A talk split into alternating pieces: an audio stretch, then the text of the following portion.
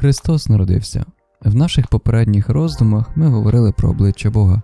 Кульмінаційним пунктом розмови стало ствердження, що Бог є любов'ю. Але для не одного з нас це твердження може стати джерелом глибокого неспокою.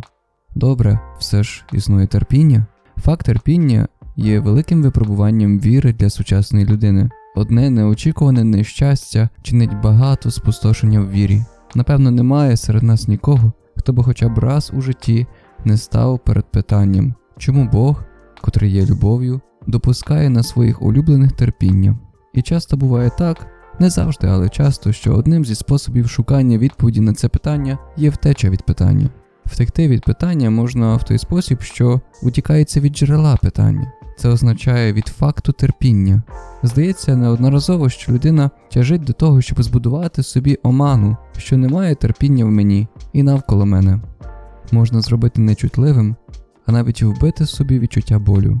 Але це не на постійно, напевно, на якийсь час.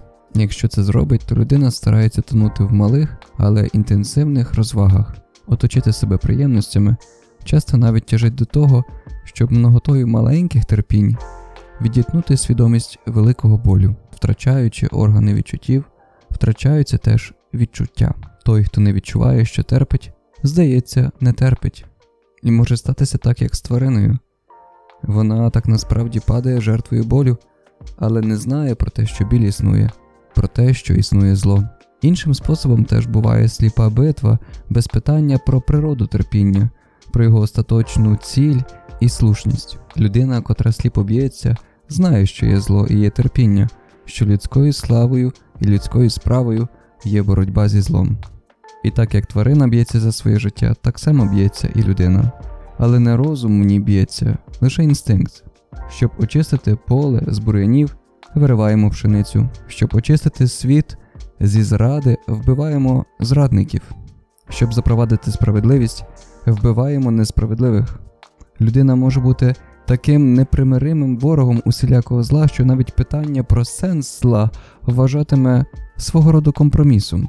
І так, прямуючи до безкомпромісності, сама того не знаючи, не раз переходить межу, що розділяє добро і зло, і стає одним з тих, що сіють вітер, а пожинають бурю. Нерідко також вірить при тому всьому, що самому Богові робить послугу.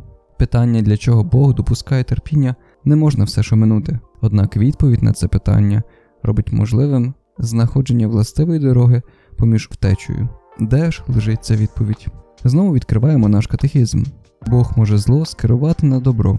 Таємниця Бога це таємниця великої переміни. Зло виходить з землі до неба, повертається на землю добром. Бог є любов'ю. Що ж це значить? Це означає те, що він є Богом великої переміни, Богом, котрий створює день за днем, хвилину по хвилині, з людської біди і малості, необмежену любов до людини. Гріх повертається відкупленням людини. Не раз справи Бога занадто далеко від нашої уяви. Чим же є наша сила домислів навпроти таємниці неба? Звернімося, отже, до самих себе. Про нас же ж сказано, що ми є образом Бога, ба навіть дітьми Бога. Чи ж немає в нас подібної здібності? Чи не трапляється нам, що часом можемо за камінь відплатити хлібом? Чи ж якась крихта здібності до великої переміни не спочиває також і в нас? Погляньмо на терпіння, які нас торкаються через цю крихту.